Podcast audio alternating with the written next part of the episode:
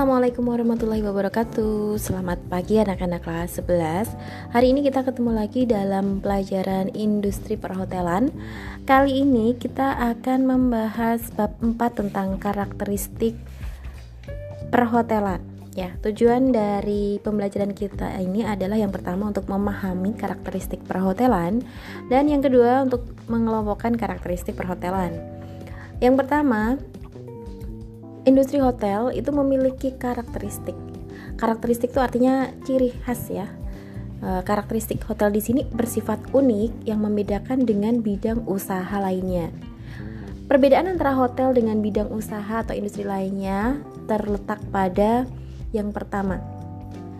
Hotel itu bersifat padat modal karena diperlukan biaya yang besar untuk pembangunan fisik hotel dan pengadaan fasilitas yang dibutuhkan. Yang kedua, hotel bersifat padat karya karena hotel memerlukan banyak tenaga kerja di berbagai departemen agar dapat memberikan pelayanan secara maksimal. Yang ketiga, hotel dipengaruhi oleh kondisi ekonomi, politik, sosial, budaya, dan keamanan di mana hotel tersebut berada.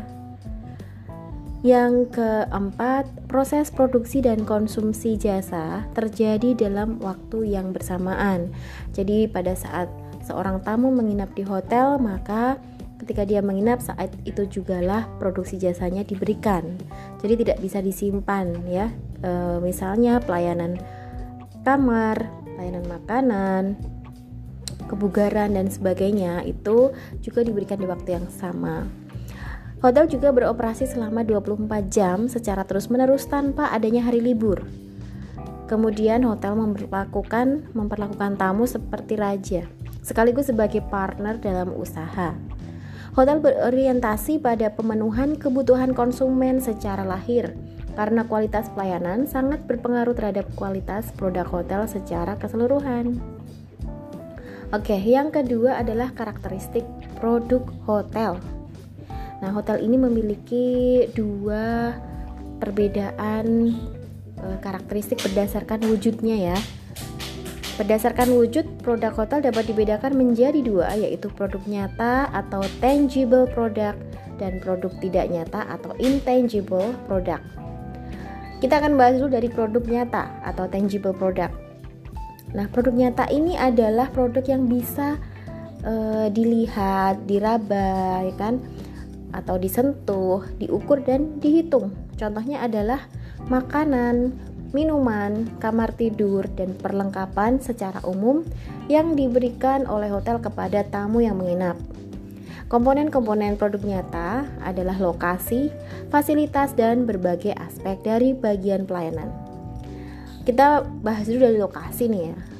Lokasi yang dibutuhkan oleh usaha pariwisata seperti hotel itu adalah lokasi yang strategis dan memiliki ekonomis yang tinggi.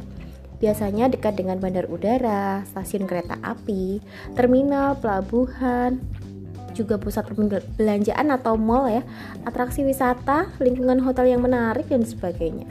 Intinya, hotel memberikan kemudahan kepada tamu atau pengunjung untuk bisa menikmati fasilitas atau tempat wisata lain yang dekat dengan hotel tersebut. Yang kedua adalah fasilitas, di mana Fasilitas ini adalah penyediaan perlengkapan dan peralatan fisik untuk memberikan kemudahan kepada para tamu dalam melaksanakan aktivitasnya, sehingga kebutuhan tamu dapat terpenuhi selama tinggal di hotel tersebut. Fasilitas yang ada di hotel bisa meliputi kamar, ada perlengkapan kamarnya lengkap ya. Kemudian ada restoran dengan berbagai produk makanan dan minuman serta fasilitas fisik di restoran yang dapat mendukung pelayanan penyajian makanan dan minuman yang baik. Ada juga fasilitas olahraga seperti kolam renang, tenis lapangan, atau gym tempat uh, untuk uh, dalam ruangan ya, tempat olahraga dalam ruangan atau juga ada yang outdoor atau di luar ruangan. Ada juga fasilitas hiburan seperti musik, karaoke dan sebagainya.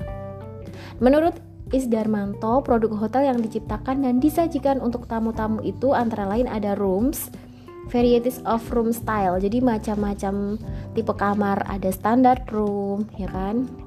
Ada superior room, ada moderate dan sebagainya, ada suite room. Nah, lalu ada restoran atau meal arrangement yang menyediakan makanan dan minuman. Ada variety of, of bar atau beverage. Nah, ini khusus untuk minuman. Biasanya untuk uh, bar atau diskotik yang menyediakan minuman-minuman ya. Ada banquet atau mice and events. Ini digunakan untuk pertemuan atau rapat. Hotel facilities, swimming pool, business center untuk fasilitas lain seperti kolam renang dan business center atau yang menjual keperluan para tamu.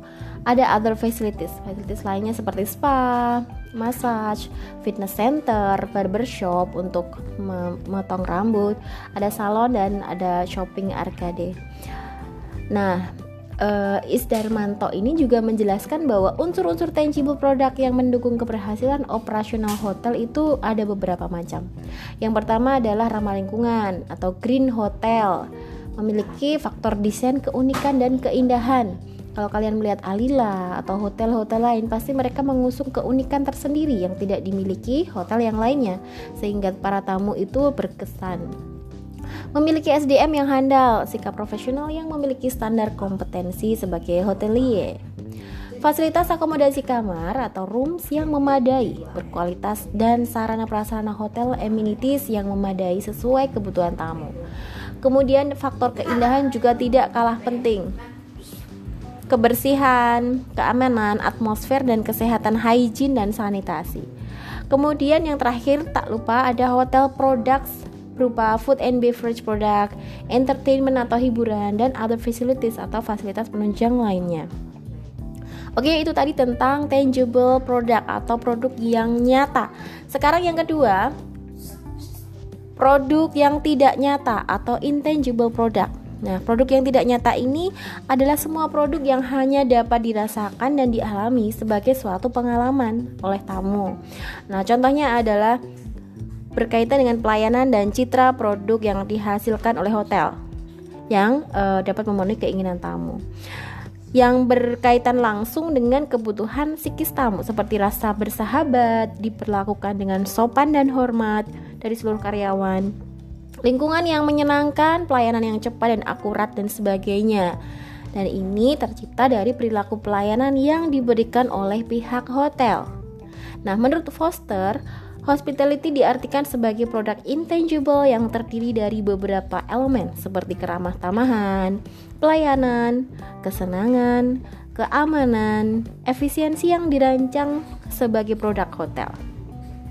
Isdarmanto juga menjelaskan bahwa unsur-unsur tangible product yang mendukung keberhasilan operasional hotel itu meliputi ada pelayanan prima, kecepatan. Nah, kalau pelayanannya lambat, pasti tamunya juga tidak akan merasakan puas ya dengan pelayanan hotel tersebut. Jadi kecepatan dan keramahan SDM atau karyawan itu sangat penting. Yang kedua adalah perilaku disiplin, jujur, tanggung jawab, sopan santun, motivasi kerja, loyalitas etos kerja itu juga penting dari para karyawannya. Yang ketiga, faktor kesesuaian harga. Nah, kalau harganya itu ternyata terjangkau oleh tamu sesuai dengan apa yang diinginkan, maka tamu pun juga akan merasakan kepuasan tersendiri. Itu yang dilihat dari wujudnya ya. Sekarang kalau dilihat dari sifatnya nih, ada dua jenis produk hotel yang dibedakan menjadi kelompok ini. Yang pertama adalah produk tidak tahan lama atau perishable goods. Tulisannya perishable goods sudah ada di buku yang sudah saya foto nanti. Beberapa produk hotel memiliki sifat tidak tahan lama atau mudah basi. Maksudnya, produk tersebut harus dapat dijual saat itu juga. Contohnya adalah kamar. Kamar kalau tidak dijual saat itu tuh sudah rugi gitu ya. Artinya memang e, seperti ini, tempat duduk di kereta api. Nah, misalnya dalam satu gerbong ada 20 tempat duduk. Kalau sekali berangkat kereta itu hanya dihuni atau ditinggali atau dipesan oleh penumpang sebanyak 10, maka ada 10 yang tidak dipakai artinya itu basi. Jadi basi itu tidak selalu berkaitan dengan makanan, tapi produk yang harus dijual saat itu juga dan tidak bisa dijual besok harinya. Jadi uh, hitungannya kalau hari ini tidak terjual maka rugi itu ya. Kemudian uh, yang kedua adalah barang yang tidak tahan lama yang lain itu seperti sayur-sayuran, buah-buahan, daging ya, yang masa berlakunya juga tertentu, tidak bisa disimpan dalam waktu yang lama. Itu masuk ke dalam produk tidak tahan lama atau perishable goods.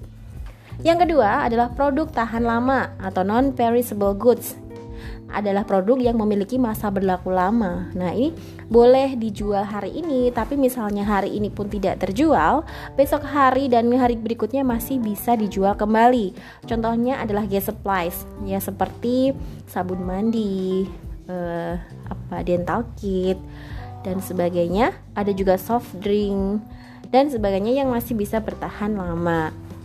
Nah, itu tadi tentang karakteristik perhotelan yang bisa saya jelaskan. Semoga bisa dipahami dengan baik dan jangan lupa untuk membaca materi yang sudah saya share di Google Classroom. Dan apabila ada pertanyaan, kalian boleh bertanya di kolom komentar apabila ada materi yang belum jelas. Itu dulu penjelasan dari saya. Pertemuan minggu depan kita akan ada evaluasi berupa quiz untuk uh, menilai pemahaman kalian pada bab 4 ini. Terima kasih atas perhatiannya. Selamat siang. Wassalamualaikum warahmatullahi wabarakatuh.